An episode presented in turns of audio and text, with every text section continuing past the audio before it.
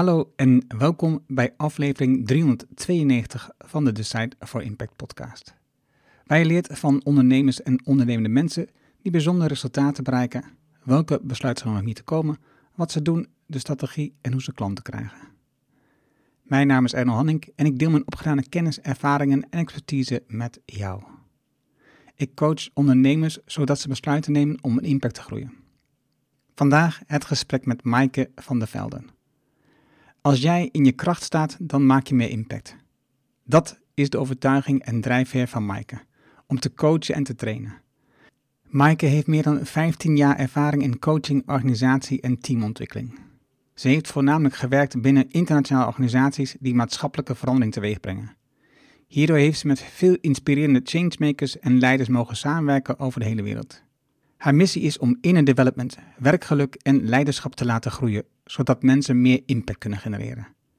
Het gaat daarbij om je authentieke zelf, de zingeving van je werk, je kwaliteiten benutten en de werkcontext goed in te richten. Het is een super gesprek waar je nu naar gaat luisteren. Laten we beginnen. Welkom bij Design for Impact. De podcast waarin je leert van ondernemers en experts die een positieve, duurzame bijdrage leveren aan mens en omgeving. Met persoonlijke verhalen die je helpen om impactbesluiten te nemen voor jullie bedrijf. Dan nu, jouw business coach, Engel Halling. Welkom in de nieuwe podcastaflevering. Dit keer spreek ik met Maaike van der Velden. Welkom Maaike. Hoi, Erno. Dankjewel voor deze uitnodiging. Ik heb er zin in. Ja, ik ook. We zijn elkaar op het tenminste, ik ben jou op het oog gekomen omdat jij, ehm, eh, toen ik ging zoeken op inner development uh, in, in, in LinkedIn, toen kwam jij als een van de eerste naar voren, want jij had zo'n mooi inner development coach. Ik dacht, jeetje, de inner development, uh, de IDG's, die zijn er net en zij, heeft al, zij heet al inner development coach. Dat is toch slim gedaan.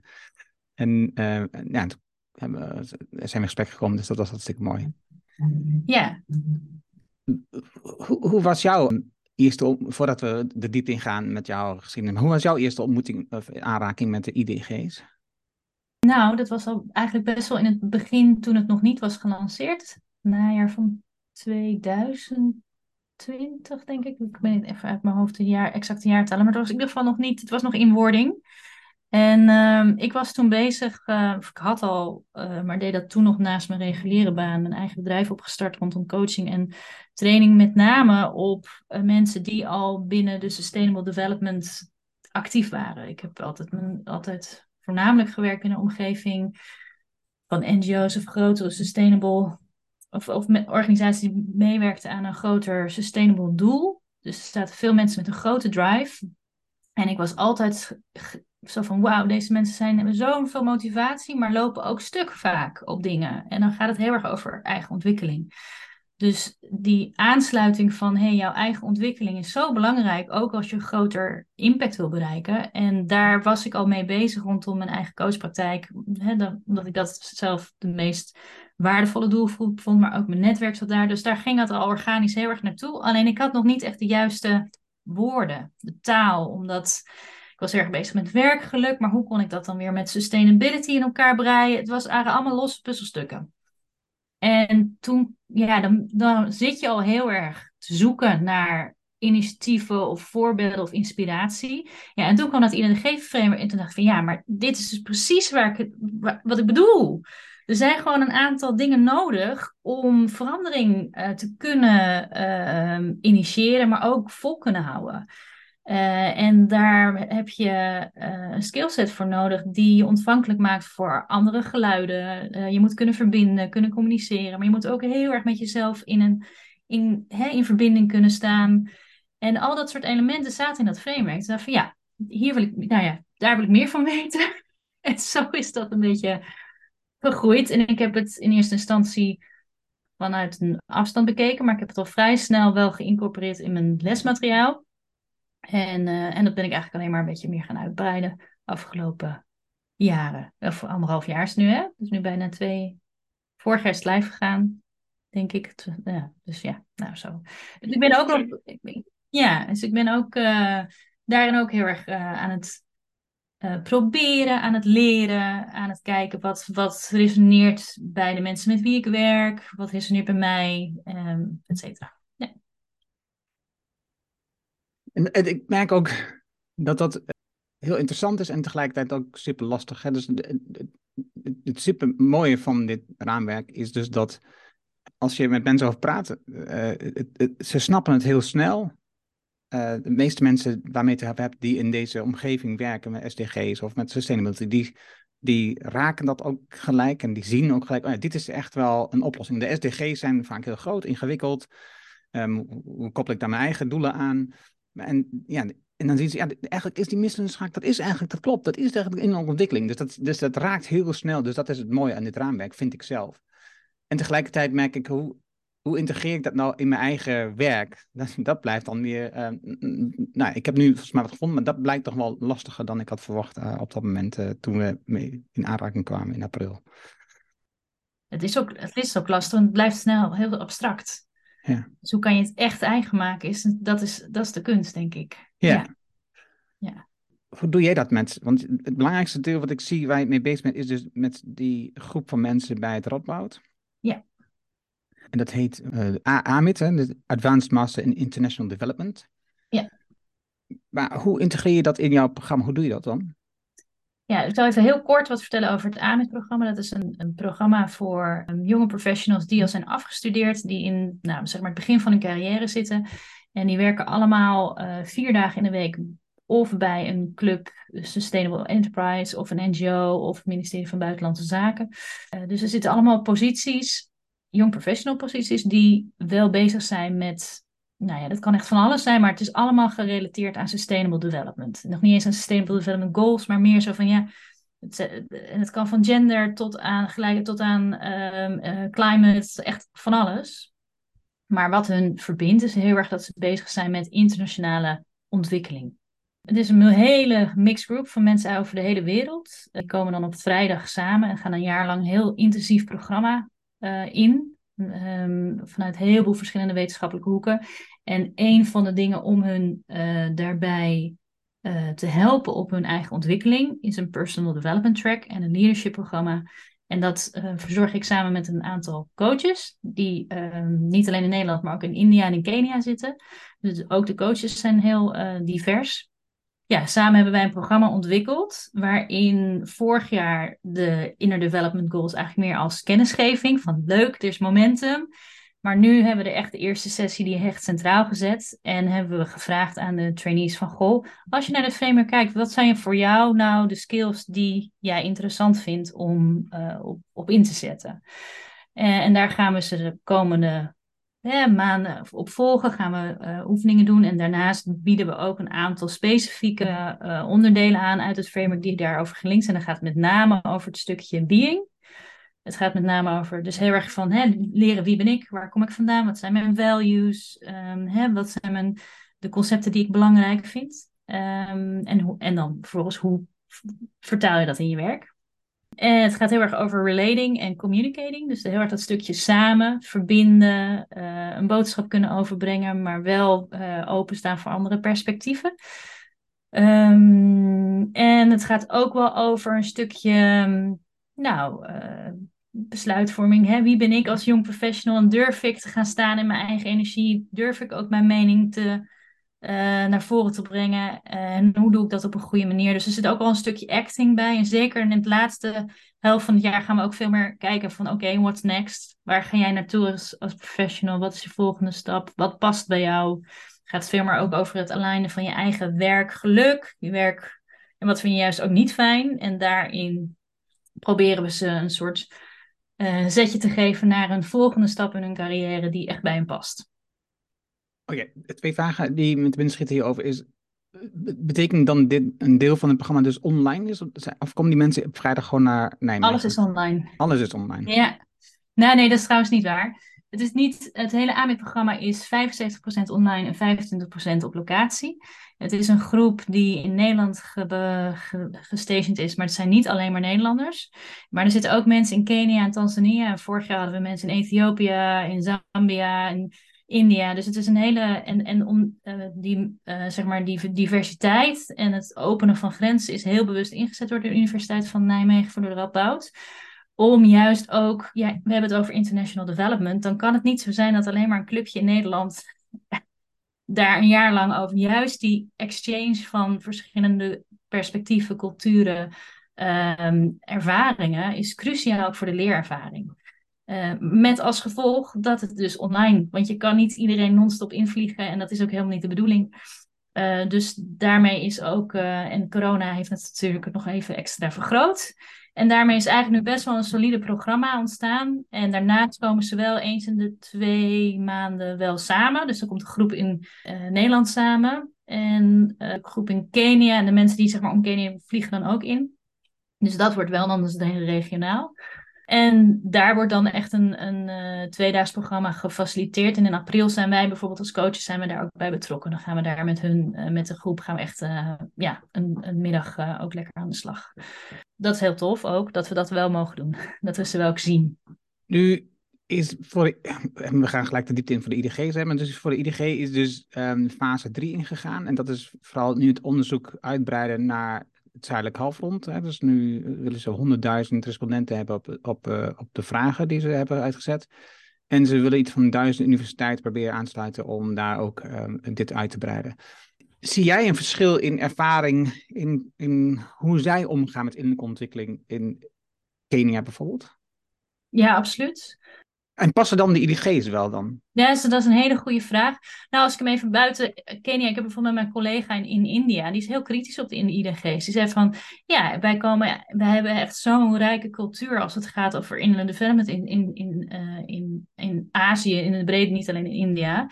Als je kijkt naar boeddhistische culturen, dan is dat een en al inner development. En hij, hij zegt van, ja, dat IDG-framework, nou, het positioneert zichzelf misschien als iets nieuws, maar ja, wij hebben, wij, dat is het niet. En uh, er zit ook veel nuance daarin. Uh, dus daar, daar wordt wel ook kritisch naar gekeken en dat, dat snap ik ook. Um, een ervaring die ik heb juist in Kenia is dat daar uh, weinig um, ervaring nog op is bij sommige mensen. En dat het, het, het feit dat ze in zo'n programma waar ze dan deelnemen, vragen worden gesteld van, ja, maar wat vind jij belangrijke values? Dat dat een heel nieuw concept is. En dat dat echt, echt een, een, ook echt zoveel ruimte geeft voor mensen van, wauw, ik mag hierover nadenken. Um, of ik mag hier ruimte voor nemen. Of ik mag hier even in verstillen en vertragen. Uh, dat is niet gewoon, dat is niet voor iedereen gewoon. Heb ik teruggekregen van, is de eerste keer dat ik op deze manier naar mezelf heb gekeken. En dan denk ik van wauw, dat is echt gek. Ook weer dat. Dus er is heel veel verschillende variatie hoe, hoe uh, er naar innerlijke ontwikkeling wordt gekeken. En ik denk dat daar, daar niet echt één antwoord op te geven valt van. Nou, in Kenia is het minder en in India is het meer. Ik denk dat dat heel genuanceerd is. Uh, maar ik denk wel dat de vertaling, als je kijkt naar bijvoorbeeld Ubuntu, als je kijkt, er zijn zoveel mooie filosofieën die die volgens mij één op één aansluiten op, op inner development. Dat, je, dat, dat het misschien meer in language, in taal zit, in nuance, in afstemming, dan dat het wezenlijk anders is. Eens. En tegelijkertijd, de IDG is natuurlijk wel ontwikkeld in een westerse omgeving. En jij geeft nu die track op uh. Maar want, een kritische vraag. Want wie is dan het Radboud dat zij, zeg maar, dit kunnen neerleggen in, in Kenia of in India. Weet je wel? Waarom, waarom moet dit vanuit het Westen naar daar worden geëxporteerd, die gedachte? Bedoel je dan een inner development framework of gewoon het hele programma? Ja, nou ja, ik zou zeggen, je kan bijna beide beantwoorden, want ze staan denk ik los van elkaar, maar je kan denk ik beide beantwoorden. Wie zijn wij vanuit het Westen dat we dit soort dingen daar moeten, wie zijn wij dat wij hun moeten, dat hebben we natuurlijk al, dat doen we al decennia lang, dat wij proberen hun zeg maar, um, te zetten naar onze standaard. Waarom zouden we niet andersom kunnen doen en dan toe gaan en leren van hun wat wij zouden kunnen overnemen van hun standaard? Ja, heel goede vraag. Eh, ik denk dat de Radboud, het team wat nu bij de Radboud is, precies dit nu aan het doen. Daarom is de samenwerking met de, universiteit in, in Kenia gestart. Daarom is dit gewoon ook. En het begint met de existentiële vraag: wie ben ik? Uh, wie ben ik als individu hier aan dit programma, maar ook als universiteit. En daar gaat het gesprek ook heel erg om. Dus de, de lectures op dit moment gaat ook heel erg over decolonisatie, gaat ook heel erg over ehm, wie, wat is kennis, wat is waardevol, wat is, hè? En daar gaat, de, dit zijn de gesprekken, dit is, dit is de heel erg deel van de track die zij doen. Dat geef ik niet per se, maar dat is deel van het programma. Um, dus zij, zij lopen denk ik daarin juist vooruit, maar hebben wel natuurlijk een historie, want het programma bestaat al 25 jaar, waarin het inderdaad juist veel meer vanuit het uh, het Nederlandse weldenkende perspectief van wij weten het beter. Uh, dus dat was, dat was natuurlijk ooit wel de, uh, niet zozeer alleen bij de Radboud, maar bij de hele brede society van ontwikkelingssamenwerking, de, het discours, waar, hoe mensen dachten. Maar daarin is het programma van AMIT denk ik echt, ja, en daar worden ze ook om geprezen. Ze hebben vorig jaar ook een prijs gewonnen daarop. Ze lopen daarin echt vooruit op dit um, perspectief ook te doorbreken. Ja. En ik zit te denken aan het gesprek wat ik had met Shores Routers, eh, die het boek heeft geschreven, uh, Miljardairs onder de guillotine. En hij zei, weet je, als je kijkt naar de capaciteit, zeggen, de, de waarde van de mensen en van de grondstoffen, dan heeft het zuidelijk halfrond eigenlijk de controle. Dat is, daar ligt alles. Weet je? Daar, daar wordt het werk gedaan en daar liggen de grondstoffen, grotendeels. Um, dus als je het financiële component niet toevoegt, dan, dan zijn zij eigenlijk de heerser van de wereld.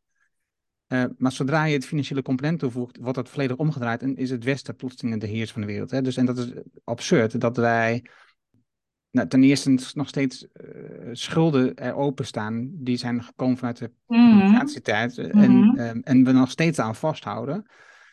En het zelfs zo is dat het betekent dat er landen zijn die keuze moeten maken om minder duurzaam te zijn, omdat ze schulden moeten aflossen volgens de, um, de wereld, uh, hoe heet het, de organisatie die dat, uh, die dat bepaalt hoeveel je in schuld mag staan, dat dingen allemaal. Het, het blijft een absurde werkwijze dat we toch veel vanuit de westerse bril kijken naar dat soort regio's. En um, en, en dus, wat je al zei, vanuit India, dat zij zeggen, ja, maar wij, wij, hebben, dit, dit is eigenlijk niets nieuws, dit is al wat we al heel lang doen. En als je natuurlijk ook kijkt naar de oorspronkelijke bewoners van dat soort gebieden in Afrika, ook daar zie je natuurlijk in, in die groepen mensen dat ze heel veel dingen die in de IDG's staan, dat zijn gewoon dingen die voor hun heel normaal zijn. De gemeenschap, communities, allemaal dat soort zaken. Uh, wat wij hebben ontleerd eigenlijk in de westerse exact. wereld. Ja. Ja, om nog even het brugje te maken van hoe gebruik ik dan de IDG's. Ik gebruik het niet als iets nieuws. Ik gebruik het als een verzameling van skills die behulpzaam kunnen zijn voor deze young professionals hun eigen ontwikkeling. En uh, probeer dan aan te sluiten op uh, de realiteit en op de ervaring die zij al hebben. Dus ik ga niet. Uh, dus, dus ik vind het heel interessant wat je zegt van. en ik sluit me daar volledig bij aan. Van, um, en, dat, en ook de ervaring die ik heb in, in internationale settings van ja, wie ben, wie ben jij nou helemaal? Uh, om te zeggen hoe het zou moeten. Ik denk dat het veel meer interessante vraag is van hé, hey, we hebben hier een onderwerp. En hoe gaan we daarmee om? Hoe ga ik daarmee om? Ga jij daarmee om? Kijk eraan en vanuit die ervaring met elkaar te leren. Ik denk dat dat een veel interessanter gesprek is. Uh, want uh, ja, wat ik vorig jaar bijvoorbeeld al heb ervaren, is dat er zoveel moois gebeurt met de ervaringen die iemand had in Kenia. Die dan niet bijvoorbeeld de, de meest high grades en, en uh, universitaire achtergrond had, maar wel een bak ervaring. En dat dan de mensen met heel veel educatie en hoger onderwijs hier uit die waren echt gewoon, die leerden daar zoveel van. Uh, en, en wat is meerwaarde? Wat, hè? wat is de financiële waarde? Of financieel, of wat is de economische waarde. Ik denk dat die uitwisseling was zoveel meer waardevol dan uh, een, een feitenlijstje uit je hoofd of een hoger cijfer. Snap je wat ik bedoel? Ja, ik geloof dat daar voor mij de magie zit in, in uitwisseling. Uh, en ik geloof, we hebben ook heel bewust een coachteam samengesteld bijvoorbeeld. Met iemand uit Indië, met iemand uit Kenia. En ik ga, nou, voorbeeld ook weer. Ik had een hele leuke game bedacht over values. Super tof. Ik had er helemaal zin in. Nou en, uh, en Deepak en Eraser. Ja, maar heel leuk, maar values. Echt, daar hoef je bij ons niet meer aan te komen. Dat is zo'n vaag abstract concept. Daar moeten we andere woorden van gaan geven. En, uh, en ik zei, oh, ah, super dat je het. Dus dat maakt het rijk. Weet je, dat maakt dat je denkt van oké. Ze zeggen niet, nee, het is niet goed, maar de manier waarop het op nu wordt uitgelegd, gaat het niet landen. En, nou, dat, en dat, dat vind ik echt kicken, want dan maak je samen iets wat je hoopt wat voor meerdere mensen toegankelijk is, ongeacht waar ze zijn. Jij bent uh, lang geleden. Met, oh, even, ik moet even, nog even één ding aansluiten voor mijn gevoel. Met dat stuk wat je net zei, hè, dus, dan, gaat het nou over lijstjes, cijfers of gaat het over dit soort kennis en ervaring uitwisselen? Um, ik, weet, ik weet nog, mijn kinderen zijn niet allebei afgestudeerd, maar ik weet nog dat um, toen ze op, de basisschool zaten en in de middelbare scholen gingen, eh, had ik wel worstelingen met mezelf. Ik dacht van, ja, is, is dit nou het systeem waar ze in moeten?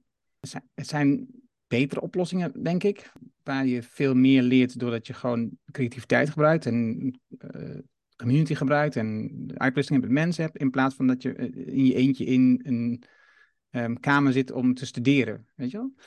En, um, en, en uiteindelijk ja, ga je dan toch voor het schoolse systeem, uh, om, omdat het ergens ook nog steeds veilig voelt. Hè? Want je, je wilt natuurlijk ook de beste toekomst voor je kinderen.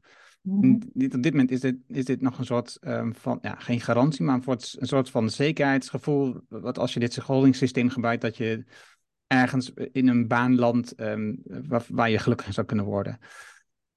Maar ik, vind dat, ik vond dat wel heel lastig.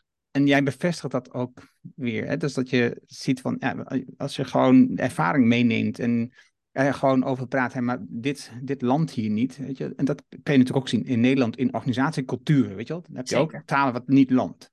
Ja. Hoe ga jij daar met je kinderen mee om? Met mijn eigen kinderen? Ja. Uh, dat is een goede vraag.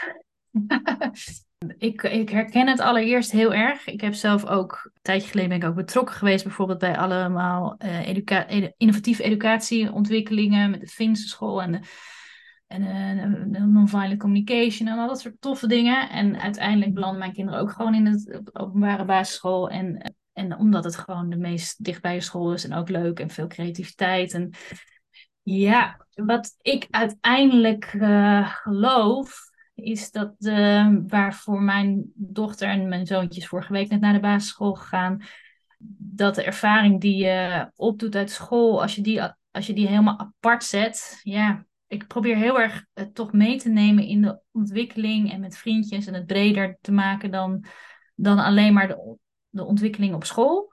Of zo. Dus dat het, ja, het is deel van een groter geheel. Dus ik kijk er meer naar een, een, een groot, met een holistische bril. Is dat een, ja, klinkt een beetje abstract. School is maar een puzzelstukje. Ja, juist als het even schuurt op sociaal gebied, dat het niet lekker loopt, dan denk ik van ja, daar zit volgens mij ook heel veel hè, wat je leert op school, maar ook daarbuiten. En hoe ga je daarmee om? En proberen te lezen van je kinderen wat er gebeurt en wat er nodig is in hun ontwikkeling. Maar daarnaast geloof ik ook ja, heel erg dat de dingen die wij met onze kinderen doen, de natuur in en, en proberen uh, bewuste keuzes mee te geven over cadeautjes kopen of niet. En ehm, eh, dingen gebruiken. Hè, de consumptiemaatschappij, dat proberen uit te leggen van hoe ga je daarmee om en welke keuzes maak je wel en niet. En dan in kindertaal. Ja, daar geloof ik ook heel erg in dat daar waarde in zit. En dan helpt het heel erg als je mensen om je heen hebt die dat ook stimuleren. Merk ik wel. Dat is net zoals je bijvoorbeeld je kinderen geen suiker wil laten eten, maar bij alle vriendjessoorten staat er non-stop suiker op tafel. Dan is het best wel lastig om dat vol te houden dat jouw kind geen suiker mag. Dat. Ja, ik zie, ik zie dat ook bij mezelf. Ik, ik heb natuurlijk de ontwikkeling doorgemaakt pas de laatste tien jaar of zo, denk ik, heel bewust in de slag gegaan en steeds verder uitgebreid. Eh, en dat zit natuurlijk, dat zit, dat zit al eh, zeg maar, dat was de jeugd van de kinderen, zeg maar, de, de, de, eerste 15 jaar was toen al voorbij, weet je wel. Dus dan, toen zat ik nog gewoon in van, ja, veel mogelijk werken, carrière maken, een bepaald moment pensioen. Dat was allemaal de gedachtegang die op dat moment voor mij eh, heel normaal waren. En nu denk ik daar heel anders over. En dus is het ook, merk ik wel, nog lastig om mijn gedachtegoed langzaam, maar zeker bij mijn kinderen, sterk nog ook bij mijn partner, um, te laten landen. Dus, uh, maar goed, dus gesprekken gewoon. Dat zijn gesprekken. Ja, ja. ja, ik heb dan een partner die er soms nog uh, idealistischer in staat dan ik zelf. ja, dat is mooi. Maar het is ook niet dat wij. ehm, ik zie onszelf niet als eh, een soort van het moet zo. Weet je wel? Ik denk heel erg dat het gaat juist over. Oké, je hebt ideeën over wat jij vindt wat goed is. In de wereld, maar het gaat juist heel erg over van. eh, wat. Eh, dat je je ook heel erg gewoon bewust bent wat er om je heen gebeurt. En daarin mee verbindt. En vanuit daaruit kijkt van oké, hoe kan jij dan. Hoe kan ik met mijn kinderen dan. eh, nou, maar terugkomen op dat voorbeeld van suiker, dat is even een heel simpel voorbeeld. Maar hoe kan ik dan wel zorgen dat ik dat, als ik dat belangrijk vind, dat mijn kinderen dat wat, dat wat minder toegang toe krijgen. Maar wel ook respect hebben voor dat andere ouders andere keuzes maken. Dus het niet als een soort van breekpunt gaan zien, want dan help je kinderen volgens mij ook niet mee. Ja, Ehm, en jezelf ook niet, volgens mij. en jijzelf ook niet. En het gaat precies hetzelfde over, over keuzes maken eh, rondom sustainability. En, en keuzes maken voor, voor. eh, Wij proberen nu zoveel mogelijk tweedehands speelgoed, tweedehands dingen. Dus niets nieuws meer. Maar dat is, niet, dat is geen harde wa- waarheid of zo. Daarin kan je meebewegen. En dat, maar we proberen dat wel het principe mee te geven aan onze kinderen. Zo van, nou, het hoeft niet allemaal nieuw. Dat hoeft gewoon niet. En inmiddels vindt mijn dochter het dus heel leuk om tweedehands kleding. Dat vindt zij nu helemaal tof. Ja, Ja. ja, ja, ja, mijn dochter overigens ook, maar dat, ik weet niet zeker of dat is ingegeven door die, eh, die waarde, maar dat maakt niet uit. Nee, dat maakt niet uit. Het resultaat is hetzelfde. Ja. Jij bent op een bepaald moment met je studie gestart in psychologie. Ja, zo. Dat is lang geleden. Ja, dat weet ik. Nou ja, dat voor mij is nog veel langer geleden mijn studie, dus het valt nog mee hoor. Ik dacht nog, oh, dat is nog niet zo lang geleden dat ik studie gedaan heb. Maar je bent vrij snel overgestapt naar eh, een andere eh, opleiding, Masters Culture, Organization and Management. Was het de psychologie niet wat je verwachtte, of hoe zat het in elkaar? Exact. Dat. Ik ging eh, psychologie, dat wilde, ik al heel lang. Dat was al vanaf de derde klas zo had ik daar eh, mijn focus op. En toen ging ik aan de UvA studeren en ik vond me toch een partijtje klinisch. Testjes doen. Ik zei, oh ik wil gewoon met mensen praten. Ik, wat zijn, waar ben ik mee bezig? Met het eh, heel eh, statistisch. Nou was ik heel goed in statistiek, maar het was absoluut niet waar mijn hart eh, naartoe ging. Dus ehm, ja, ik zat daar echt, kwam toen wel redelijk in een soort van eh, dipje. En wat ik wel heel erg wilde, was eh, een reis maken naar Afrika. Dus, dus dat ben ik, en waar wilde ik dan precies naartoe? En toen ben ik gaan sparen daarvoor eh, dat jaar. Ehm, en toen ben ik eh, naar, uiteindelijk in, eerst naar Kenia en Tanzania gegaan met mijn backpack. En daar kwam ik in aanraking met de HIV-AIDS-pandemie, die daar echt volle glorie aanwezig was. En dat raakte mij zo dat ik dacht van jeetje, maar hier moet ik iets mee of hier wil ik iets mee. Dit, dit kan toch niet en dat dit zo dorpen, maatschappijen, communities helemaal lam legt. Eh, dus toen ben ik daar, kwam, met die rugzak kwam ik terug. En toen stond ik dus in de rij om een boek te kopen voor tweede jaar. En toen voor psychologie nog. Toen ben ik uit de rij gaan stap, gestapt. Heb ik mijn vader met knikkende knieën opgebeld van pap, ik ben, ga, of ik ben gestopt met mijn studie. En ik weet nog niet precies wat ik ga doen, maar ik ga dat nu deze twee weken even uitzoeken of ik nog ergens anders kan instromen. En anders weet ik het even niet. Nou, dat vond ik een van de moeilijkste dingen die ik heb gedaan. Maar het was wel een van de beste dingen die ik heb gedaan. Ik, binnen twee weken was ik eh, gestart binnen nou, de faculteit van de Vrije Universiteit. Cultuurorganisatie en Management. Daar zat een vakgroep rondom Zuidelijk Afrika. Die hebben mijn verhaal gehoord. Die zeiden van, nou, je moet gewoon meteen gaan starten. En vanaf het begin af aan ben ik met hun gaan kijken van, wat wil ik, wat kan ik? En heb ik uiteindelijk is dat geleid in mijn afstudeeronderzoek binnen de, binnen de eh, politie in Zuid- Zuid-Afrika. Waar ik heb gekeken van, wat is de impact van HIV-AIDS in een korps, in een beleid, in nou, van alles en nog wat. Ehm, ja, en zo ben ik ook, daarna ben ik gaan werken binnen de HIV-AIDS eh. Eerst van het ministerie Buitenlandse Zaken, daarna binnen NGO's. Dus dat was echt wel, ja, daar zat zo'n drive. Dus dat was de reden waarom ik ben geswitcht. Omdat het gewoon niet meer aansloot eigenlijk bij mijn eigen, waar, ja, waar, waar ik ook goed in was, denk ik. Ik ben niet zo'n klinische eh, meetpersoon. Ik vind het gewoon veel fijner om het kwa- kwa- kwalitatief gesprek aan te gaan. En ehm, ja, en ik heb die studie bij, heb ik echt met heel veel plezier gedaan. Ik echt, ja. Hoe zie jij nu die wereld van HIV en AIDS? Nou ja, daar is echt ongelooflijk veel gebeurd en ontwikkeld uh, qua medicatie. Hè? Maar de, de, de kloof blijft natuurlijk nog wel ongelooflijk tussen. Hè? We hadden het net over de westelijke, of de, meer de, noord, de noordelijke kloof en de zuidelijke halfrond. Dat het, daar is nog steeds een, een, een groot verschil met toegang tot medicatie, toegang tot informatie, toegang ook tot het recht op vrije keuze. Want HIV-AIDS gaat natuurlijk over seksuele keuzes, seksuele reproductieve gezondheid. Het gaat over jezelf beschermen. Het gaat over je, hè, dat soort, daar zit nog wel echt een enorme uitdaging. Waarin ik ook echt geloof dat lokale aanpakken en dergelijke echt veel beter werken. Van wij hebben het hier in het Westen uitgevonden en we weten hoe het moet. Dus hoe kijk ik naar dat? Is een heel, dat is heel veel informatie. En hoe kijk ik op? Dat is een heel hoe kijk ik daarnaar? aan de ene kant zie ik dus heel veel positieve progressie. Aan de andere kant, het, is ook, het wordt ook een beetje een vergeten epidemie. Je hoort er niet meer zoveel over. Het is, maar het is er echt nog steeds. En het maakt mensen echt heel kwetsbaar. Ja, en dan heb ik het met name over jonge kinderen die uh, een ouder of ouders verliezen. Uh, of mensen die buiten de, de, de geëikte community echt geen toegang hebben tot medicatie. En, en ja, dat, uh, dat is heel schrijnend. Dat, dat moet echt anders. Ik um, kreeg het boek Drawdown. En, en dat beschrijft, um, wat is het, 50 of zo geloof ik, oplossingen. Of um, niet op technologische, ja, het meeste is technologisch ingesteld, uh, uh, oplossingen om problemen in de wereld op, op aan te pakken. En een van de elementen die mij daarin opviel, was educatie van meisjes en vrouwen.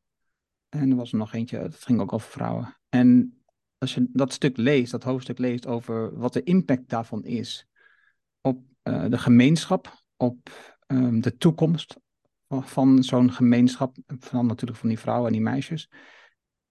Ja, dit, dit is cruciaal. Hè? Dus je kijkt naar dat je meer leert over seksueel, eh, over gemeenschap, over bescherming, over geboorte, uh, risico's. Het is zo indrukwekkend wat, wat het effect daarvan is, dat je je eigenlijk afvraagt waarom is daar niet meer aandacht voor? Weet je, waarom, waarom organiseren we dat niet beter? Hè? En, en het andere zelf, de laatste tijd bezig met goede doelen wat zijn, nou, wat zijn nou goede doelen die echt effect hebben? En dan leer je bijvoorbeeld dat er nog steeds 750 miljoen mensen onder de armoedegrens leven, hè? onder de, de UN vastgestelde armoedegrens. En 750 miljoen mensen.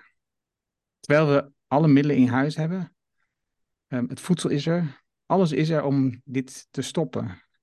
Waarom doen we het niet? Weet je wel? Dat zijn dan vragen die bij mij opkomen. En dat is eigenlijk hetzelfde voor HIV-AIDS. Weet je wel? Alles is er, Hmm. om het aan te pakken en op te hmm. lossen. Waarom doen we het niet? Wat is voor jou, want jij bent, je zit nu niet meer in die omgeving eigenlijk, tenminste zo zie ik het van de afstand, kijk ik tegenaan. Hè? Waarom, wat is voor jou de reden geweest om, om deze kant op te gaan en dat stuk te verlaten? Mooie vraag. Nou, ik liep dus wel een beetje vast, vast ook in de wereld van uh, nou, goede doelen. Um, het systeem.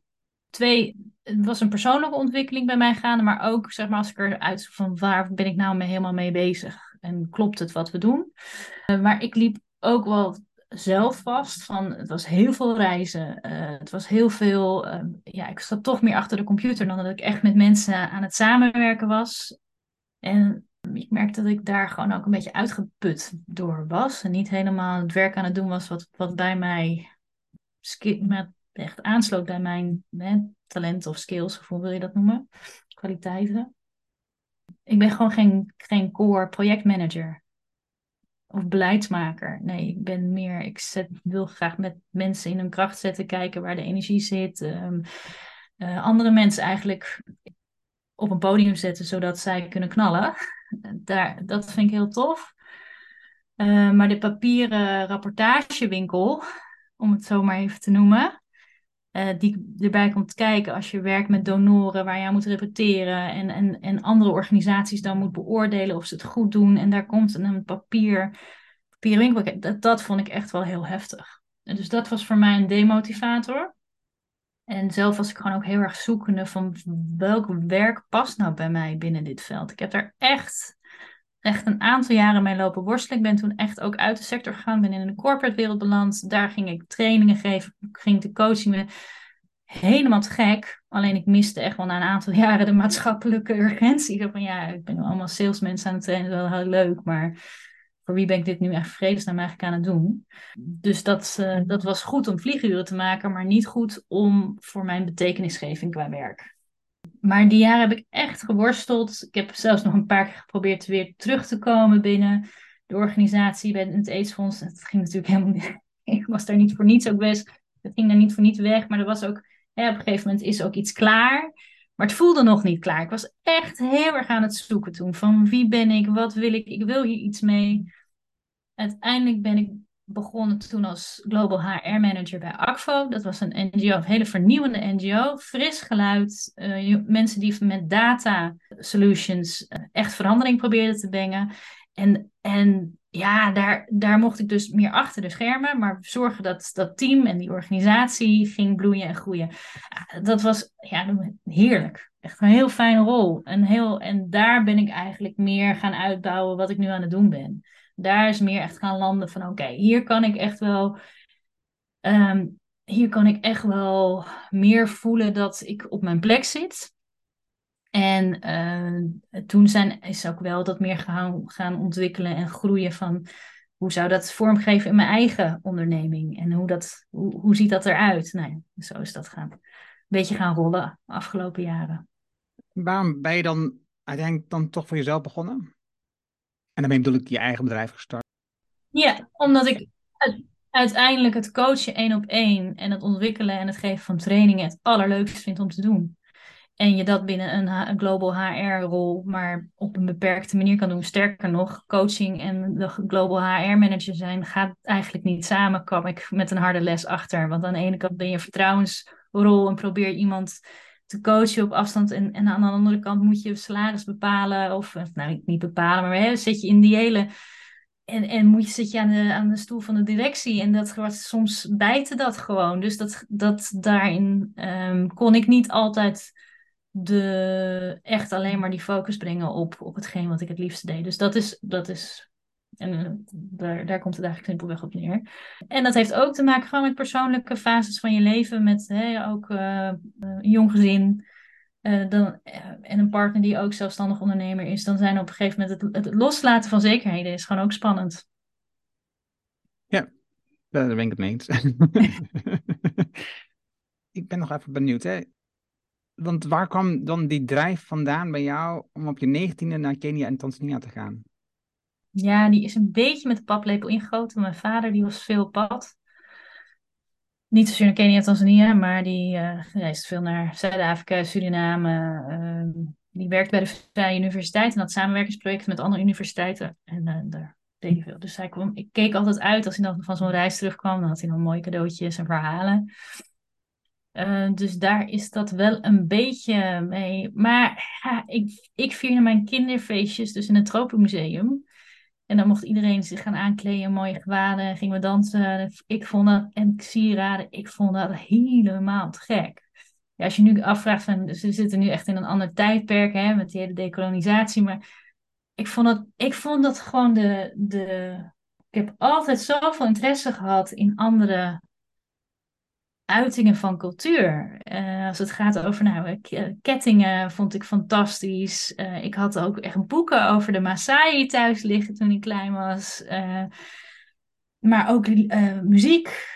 dus al die hele culturele expressieve vond ik gewoon fantastisch. Ik ging daar heel erg op aan. En ja, en mijn ouders hebben dat wel ook heel erg gestimuleerd. Omdat, ga maar ontdekken als jij dat leuk vindt. Ga, doe maar lekker. Ja. Yeah.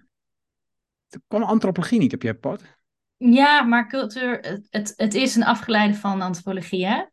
Eh, cultuurorganisatie management. Alleen juist de combinatie, het, eigenlijk is het bedrijfsantropologie. Dat is wat het is. Je duikt in een organisatie en je kijkt wat is er.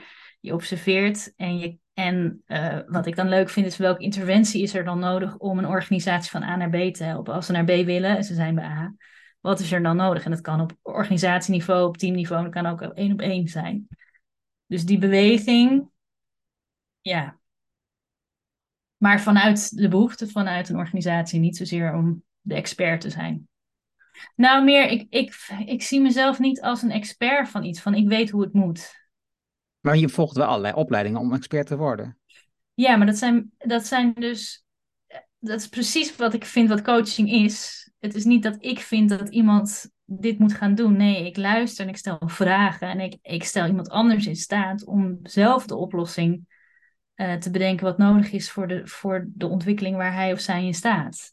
En dat is precies hetzelfde wat ik denk wat, wat een goede interventiekundige in een organisatie moet zijn. Die moet kijken van waar staat een organisatie nu en waar wil die naartoe. En wat is er dan nodig?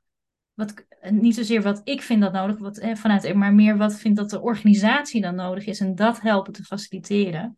En mensen daarin in, in hun kracht zetten. Ik denk dat daar, daar ligt voor mij de. En daar, dat is een vak. Dus daar volg je opleidingen op, op, maar niet zozeer dat ik de oplossing heb. Ik ben wat minder van de opleidingen. Ik ben meer van het ervaren in de praktijk en, en doen en, en op die manier leren. Dus voor mij is, uh, nadat ik klaar was met, met een aantal opleidingen, uh, zie ik telkens wel, uh, denk je, oh ja, het is wel gaaf om zo'n opleiding te volgen. En tegelijk denk ik, nee, ja, weet je, als ik gewoon met mensen in gesprek ga, met experts op dat gebied, die veel ervaring op dat gebied hebben, en daar, daar leer ik van, en dat kan ik weer toepassen, dan leer ik ook, weet je. Dus Zeker. Ik heb gemerkt dat, dat dat meer de weg is voor mij, uh, dan weer in een schoolbank te gaan zitten, of uh, op zo'n manier zo'n studie te volgen. Maar je bent een bepaald moment in aanraking gekomen met uh, werkgeluk. Ja. Dat was ik ook, maar dan met Alexander Kirov voor mij was hij degene die kwam met de term van Chief Happiness Officer, weet je wel. En uh, we hebben toen zijn boek Happy Hour from 9 to 5 vertaald in het Nederlands op een aantal mensen. Het is niet dat ik zelf met, echt met werkgeluk ben gaan werken of zo. Ik ben niet daar coach in geworden. Dat was, zo zag ik het op dat moment niet. Maar dat was wel voor mij enorm leerzaam en interessant om na te denken over um, hoe, kunnen we nou hoe kunnen we nou mensen gelukkiger maken op hun werk. Uh, jij hebt dat uh, in Nederland gedaan, een opleiding voor gevolgd en bent ook gecertificeerd uh, Chief Happiness Officer. Hoe gebruik je dat nu in je werk? Ja, ik zie, bij mij gaat het, werkgeluk altijd hand in hand met werkongeluk. Hmm. Want ik geloof dat beide is. En ik, natuurlijk wens ik dat iedereen heel veel werkgeluk heeft. Maar er zal ook altijd ongeluk blijven. Dus het is ook het omarmen van een stukje ongeluk. En daarmee leren omgaan. Uh, dus die nuance voeg ik altijd, vind ik fijn om altijd toe te voegen. Um, en um, hoe pas ik dat nu toe? Het is voor mij, ik, ik, ik ben een beetje aan het worstelen met mijn identiteit rondom werkgeluk. Want aan, het is voor mij een soort van uh, uh, basis, maar het is, het is niet meer alleen dat.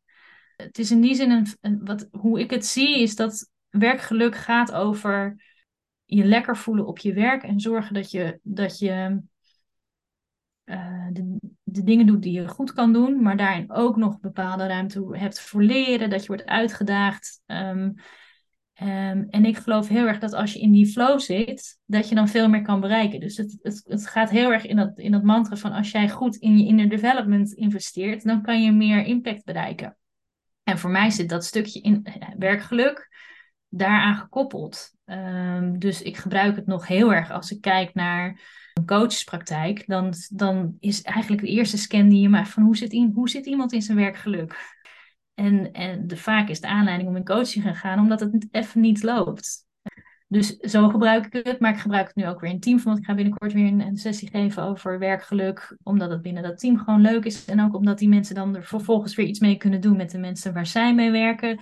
Dus ik gebruik het Absoluut. Het is iets minder op de voorgrond. Bijvoorbeeld een bewuste keuze die we nu hebben gemaakt met het programma van Nijmegen. Daar was de werkgeluk driehoek vorig jaar heel prominent. Daar starten we toen mee. Nu hebben we de, de Inner Development Goals genomen.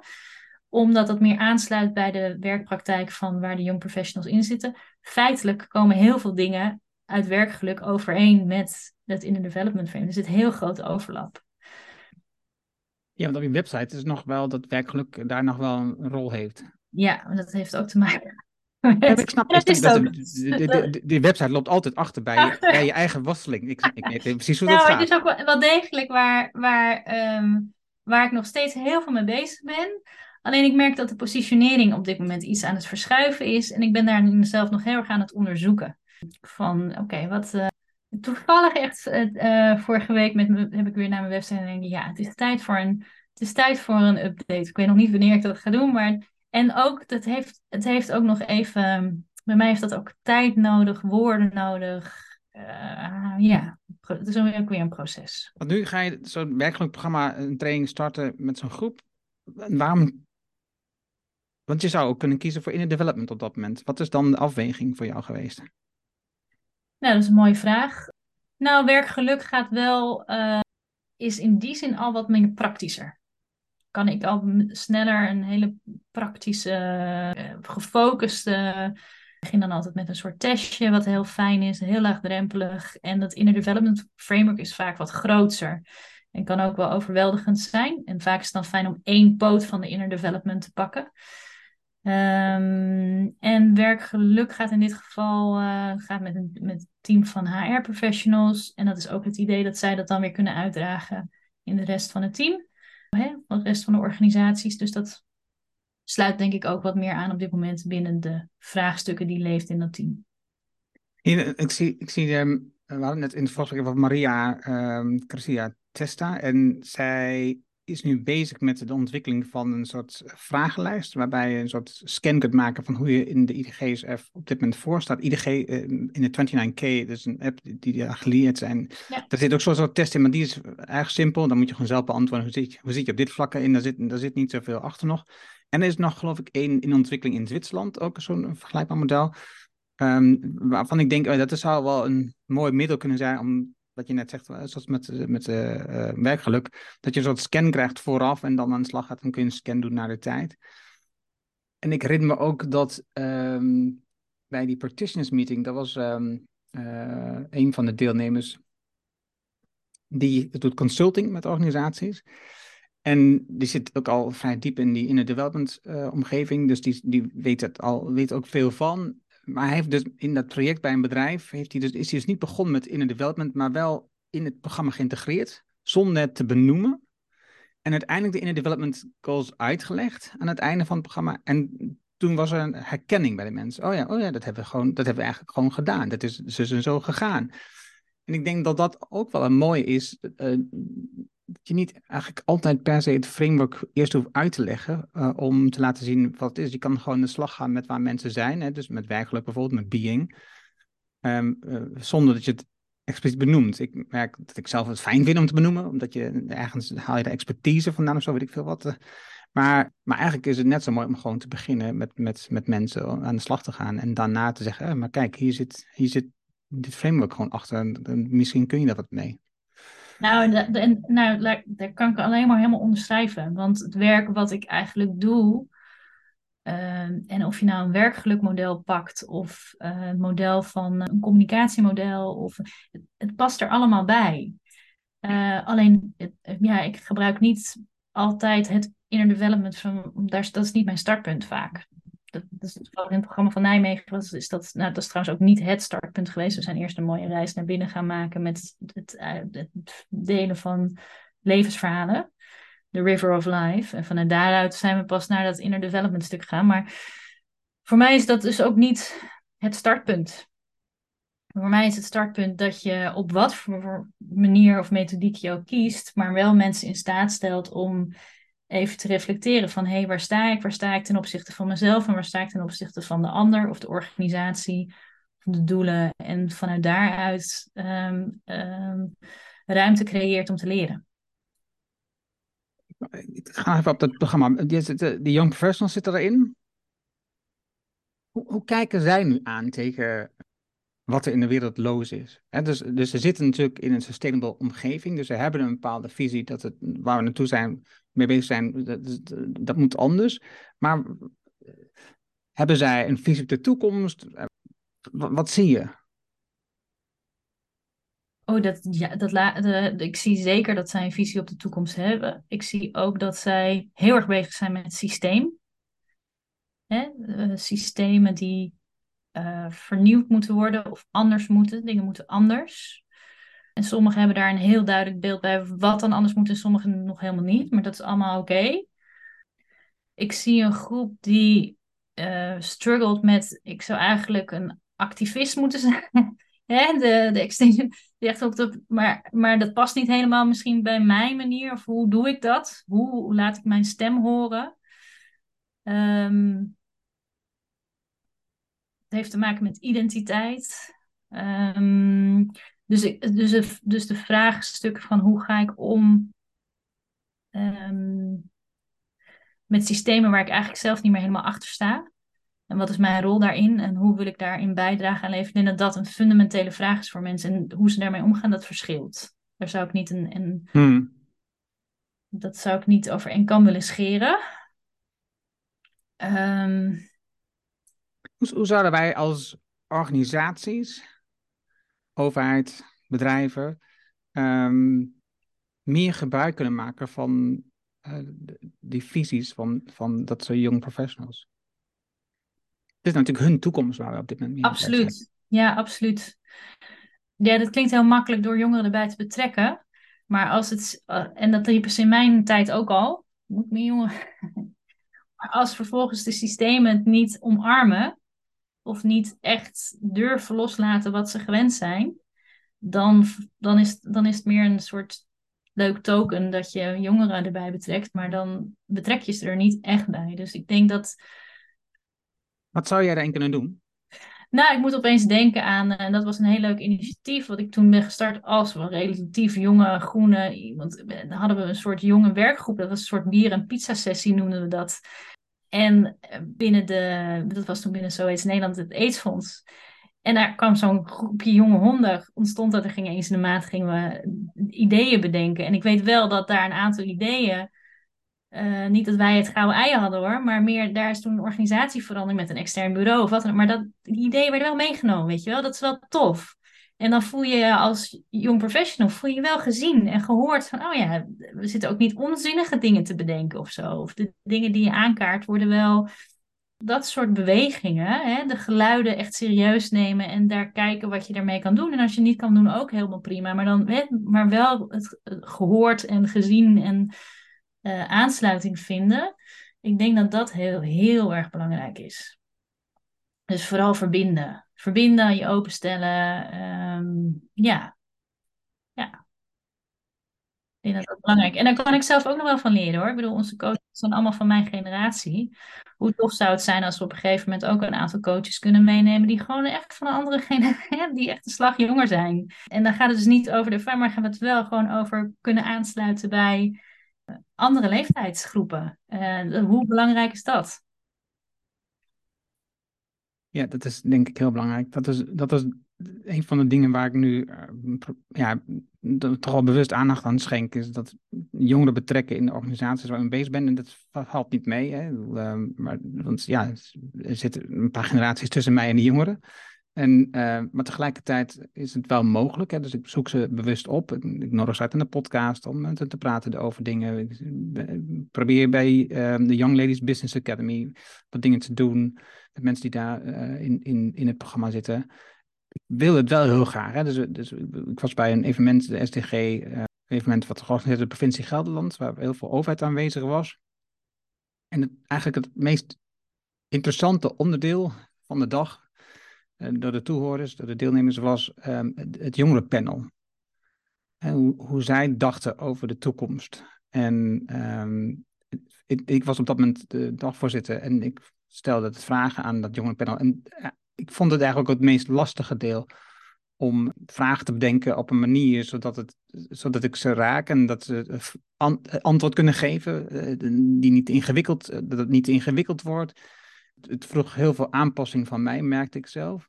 Maar het werd enorm gewaardeerd door de deelnemers. En dus dacht ik, ja, dus hier zit wel heel veel kansen om dit te organiseren. Ik, sprak later nog met de ehm, burgemeester van de gemeente Doetinchem bijvoorbeeld. En hij zegt, ja, wij proberen best wel jongeren te betrekken bij, bij de gemeente, bij besluitvorming, bij gesprekken.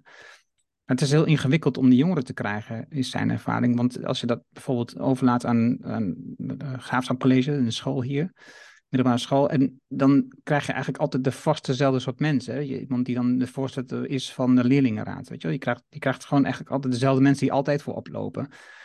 En dus dat is, ja, je wilt eigenlijk meer variatie daarin. En, en dus sprak ik met iemand anders over die best wel veel programma's opzette als, ehm, ik wil niet zeggen changemaker, maar wel iemand die daarin voorop loopt, dat soort programma's. Zei, ja, je kan hier gewoon een programma van maken, dat je met de jongeren langs die gemeenten en bedrijven gaat. Nou, dat vond ik een goed idee, maar ja, ergens, het voorgesprek wat we hadden, je hebt ergens beperkte tijd, hè, er, er zit een grens aan, dus je kan niet alles tegelijk. Maar ja, toen en, en had het net over samenwerken. Dus, dus sprak ik een andere coach in mijn omgeving. En die heeft al wat ervaring met programma's maken. En um, zit in de onderwijsomgeving ook wel. Dus ik zeg, nou, dit is eigenlijk mijn idee. Kunnen we hier wat mee? En kan, kan jij daar wat mee? Kan je dit oppakken? Weet je wel? Dan, dan, dan wordt het toch gedaan. Dan hoef ik het niet zelf te doen. dus dat, mhm. dat is probeer, zo probeer ik dat te organiseren. En ik zou het liefst ook bijvoorbeeld IDG-hubs in het team toch weer jongeren in krijgen. We hebben ja. wat geprobeerd en nou ja, zijn met studie bezig. Dus is ook, ja, best wel, je moet ook die ruimte geven aan mensen om hun leven te organiseren. Maar ik wil ze er zo graag bij betrekken om ervoor te zorgen dat juist, uh, ik geloof erg in, in uh, bijvoorbeeld het lab van de toekomstige generaties doet en dat soort dingen. En dus dat je nadenkt over wat is nou eigenlijk, wat doen we het voor? Voor de, voor de, hè, de kinderen van onze kinderen bijvoorbeeld. Ja, dat, dat vind ik interessante onderwerpen, maar dan moeten we dus wel ook die generaties bij betrekken. En dat nou, is niet eenvoudig. Nee, zeker niet eenvoudig. Nee. Je grijpt makkelijk uh, aan hetzelfde soort mensen. Hè? Dus, dat is, hè? dus we, we, linken, daarom hebben we natuurlijk ook een mannenbolwerk. Mannen zoeken het max met dezelfde soort mensen. En dus daarom krijg je ook minder jongeren, want je zoekt dezelfde soort mensen. Ja, ja. Nee, ja, het is ook lastig om dat te doorbreken. En zo zitten jongeren ook in hun eigen. Eh, die zoeken ook gewoon een eigen uh, communities en, en hè, op. Dus het werkt aan, zo zit iedereen zijn eigen. Maar ik denk dat daar wel zeker hele creatieve oplossingen voor. Ik, ik heb ze ook nu even niet van, maar ik denk dat dat zeker mogelijk is. Nu we het erover hebben, zit ik te denken aan Extinction Rebellion. Um, hoe zij dat organiseren in. Uh, want ik zit, ben aangesloten bij, bij de Signal groep van hun. En um, hoe zij het organiseren, dat is, dat is opmerkelijk. Hoeveel ruimte er wordt gecreëerd, zeg maar, om mensen te helpen. Om te leren hoe je omgaat met actievoer. Als je wordt opgepakt, uh, hoe moet je dan reageren? Er zitten heel veel educatiestukken in, er zitten heel mhm. veel samenwerkstukken in, heel veel transparantie zitten in. Er zitten heel veel mooie dingen in om te leren. Dus, dus dat, dat, vind, dat vind ik dan mooi om mee te maken. Het is ook heel organisch gaat het allemaal. Dus, ja. is, dus, dus volgens mij kunnen we daar heel veel van leren. Ja, zeker. Zeker, zeker, zeker. Ben ik helemaal eens. Ja. Wat is um, een beetje naar een afronding te komen, wat is, wat is jouw volgende stap? Wat is waar jij, want je had net over je worstelingen met werkgeluk en hoe je dat gaat positioneren, en je programma's en alle dingen die nu goed gaan bij jou. Wat is je volgende stap? Waar, waar, waar, kijk je naar uit? Waar werk je aan? Mooi. Nu nog even, zit nu nog lekker even op een piek. Heb allemaal verschillende projecten die lopen. En ik ga naar de zomer toe waar ik even ga verstillen. En daar kijk ik op zich wel naar uit, want dat is precies even waar, ik weer even kan uh, voelen, zijn. We hebben twaalf jaar geleden bij een oude boerderij gekocht in Frankrijk. Nou, dat klinkt heel romantisch, maar het is gewoon een, was gewoon een grote schuur in een weiland. Waar, met niks. En dat is nog steeds niet heel veel, maar je kan er wel lekker bivakeren. En dat is wel echt onze uitvalsbasis om dat te kunnen doen. Daar kijk ik heel erg naar uit om daar een langere tijd weer even te zijn. We gaan altijd wel nog vakanties naartoe, maar in de zomervakantie heb je dan echt zo'n mooie lange break dus dat is zeg maar, ik merk dat dat na anderhalf jaar knallen, dat dat, dat, dat echt nodig is. Zo van, dat heb je echt nodig als, als ondernemer om die tijd, die verstilling ook en je eigen inner development daar weer een boost aan te geven. En dan betekenis te geven aan dingen die er zijn gebeurd, uh, te leren. Uh, en ook weer, ja, ik ben ook wel, ik ben heel creatief en het bruist en borrelt altijd. Dus er zijn altijd weer genoeg nieuwe ideeën ik heb afgelopen tijd heel veel uh, gedaan rondom de programmaontwikkeling en programma- en trainingen geven en learning and development binnen organisaties. En ik merk dat daardoor het één op één coaching iets meer naar de achtergrond is eh, gegaan. Terwijl daar voor mij ook wel echt mijn. Ja, ik doe het graag allebei. Ik wil niet en het een en het ander. Ik vind het gewoon heel fijn om en met groepen en met één op één trajecten aan. Dus die balans moet terug wil ik heel graag terug. Dus dat is ook weer iets waar ik meer aandacht aan wil geven. Nou, waar kijk ik naar uit? Ja, dan, ik, ik kijk ook heel erg uit naar de IDG Summit. Daar ga ik naartoe. En ja, volle nieuwsgierigheid. Dat is vooral, ja, ik vind het heel erg interessant om gewoon geïnspireerd te worden hoe mensen dit gebruiken. Want ik, ben, ik doe ook maar wat, zeg maar. Ik probeer wat vanuit mijn perspectief. En ik, ik denk dat ik, ik kies wat ik denk wat goed is, wat valt, wat past bij de mensen met wie ik werk. Maar ehm, ja, ik, ik sta heel erg open om te leren van anderen. En, te, en dus daar, dat is wat, wat me echt gek lijkt, omdat het ook nog meer, denk ik, diepte toevoegt aan een, aan een framework, zeg maar. Het gaat vooral over de beleving en de ervaring ervan. Dus dat is ook wel iets wat ik echt ook wel. Dus voor mij is het eerste half jaar van 2023 was, is vooral even knallen. En dan het tweede deel, vanaf de zomer, is meer reflecteren, weer de andere, weer zorgen dat alle puzzelstukken weer goed in balans komen en van daar weer verder. Dit is een interessante les voor ondernemers, denk ik. Als je, veel ondernemers die zijn natuurlijk gewoon altijd aan het knallen. Het is altijd aan. Er is weinig ruimte tot verstilling totdat het misgaat. Dan is er plotseling uh, gedwongen heel veel ruimte tot verstilling. Jammer genoeg. En ik denk dat dat, dat dat interessant is om te onderzoeken als ondernemer. Uh, of je nou voor een, of je nou ondernemer bent bij een klein bedrijf of een groot bedrijf, maar dat je telkens weer ruimte vindt om ja, terug te keren naar jezelf. Om te ontdekken, oké, wat is eigenlijk mijn volgende stap? Wat is belang voor de organisatie? Wat is het belang voor de gemeenschap? En, um, want de, de, waan van de dag, de ontwikkeling van je bedrijf, de, eh, de aanvragen, de klanten, dat gaat in principe altijd, dat dendert altijd door. Dus, dus als, je, als je niet oppast, dan dan zit je, dan zit je continu uh, aan, aan het werk, omdat, omdat de markt, de klant, als je een goed product hebt, daarom vraagt. En dus dat is heel ingewikkeld om dat te doen, maar toch um, ehm, super belangrijk. Dus dat is mooi dat je dat doet op die manier, dat je dat organiseert, bewust organiseert. Ja. Nou, laten we het daarbij laten. en dankjewel voor de les. Ja. Dat kan ik ook heel goed gebruiken, die les. Nee, je past hem toe. Dus, uh, dat, dat, ja, dat is de bedoeling. Ja, ja. ja. nou, daar ga ik vanuit. Ja, ja. ja dus, uh, nou goed. En soms moet je die ruimte ook bewust dus creëren, heb ik dus ook echt geleerd. Van, ja, die moet je echt, uh, wat, wat je zegt, want anders gaat die trein door. En uh, ja, nou ja. Dankjewel voor dit gesprek. Leuk. Maaike, dankjewel voor dit gesprek. Normaal, normaal zeg je dat eerst. Oh, sorry. Ja. Je breekt een protocol hier. dan moet je er maar even uitknippen dan. Nee hoor. Ja. het was super om van je te leren, Maaike. Ik vond het mooi om um, je geschiedenis te horen, je ervaringen in uh, Afrika, je, je leerpad uh, met AIDS, hoe dat ook ingewikkeld weer werd en uh, hoe je jezelf weer vernieuwt met opleidingen. En nadenkt, hoe kan ik dat inzetten, maar jezelf niet als expert ziet. En, en ook de combinatie zoekt met training en met coaching. En daar eigenlijk altijd uh, de innerlijke ontwikkeling als fundament hebt. als mens, hoe, hoe, je jezelf ontwikkelt om dat te gebruiken in de verandering in de wereld. Dus het was uh, heel erg interessant om dit te leren. Dankjewel, Maaike. Dankjewel. Mooie samenvatting. Daar ben ik dankbaar voor. Dank. Wat een leuk gesprek. Dat was het mooie gesprek met Maaike. Je vindt de namen en links die we noemden in het artikel dat bij deze uitzending hoort. Ga daarvoor naar de slash show 392. Wil je vanzelf automatisch de volgende aflevering van deze podcast op je telefoon ontvangen? Dat kan heel eenvoudig. Heb je een iPhone, dan zit daar standaard de Apple Podcast app op. Open deze app, zoek naar de Decide for Impact podcast en klik op abonneer. Oh ja, zet even een vinkje aan dat je de aflevering wilt downloaden. Heb je een Android-telefoon, installeer dan eerst bijvoorbeeld de Player FM app. Open dan die app, zoek op de Decide for Impact podcast en klik op abonneer. Dankjewel hiervoor. Heb je een vraag, opmerking, reactie over deze aflevering met Maaike of over de podcast in het algemeen? Stuur dan een e-mail naar podcast.decideforimpact.com. Ik hoor super graag van jou. Wil je leren hoe je focus en energie vindt met jouw innerlijke kompas? Hoe verbinding in je team het verschil maakt? Hoe je vertrouwen krijgt in je collega's en hoe je een moedig mens wordt? Download dan het boek Impact Besluiten waarmee je nieuwe medewerkers aantrekt op de site. Dit is mijn nieuwste boek en je downloadt het daarom helemaal gratis. Je hebt zelfs geen e-mailadres nodig. Mijn nieuwste boek is altijd gratis, vraag het daarom nu aan.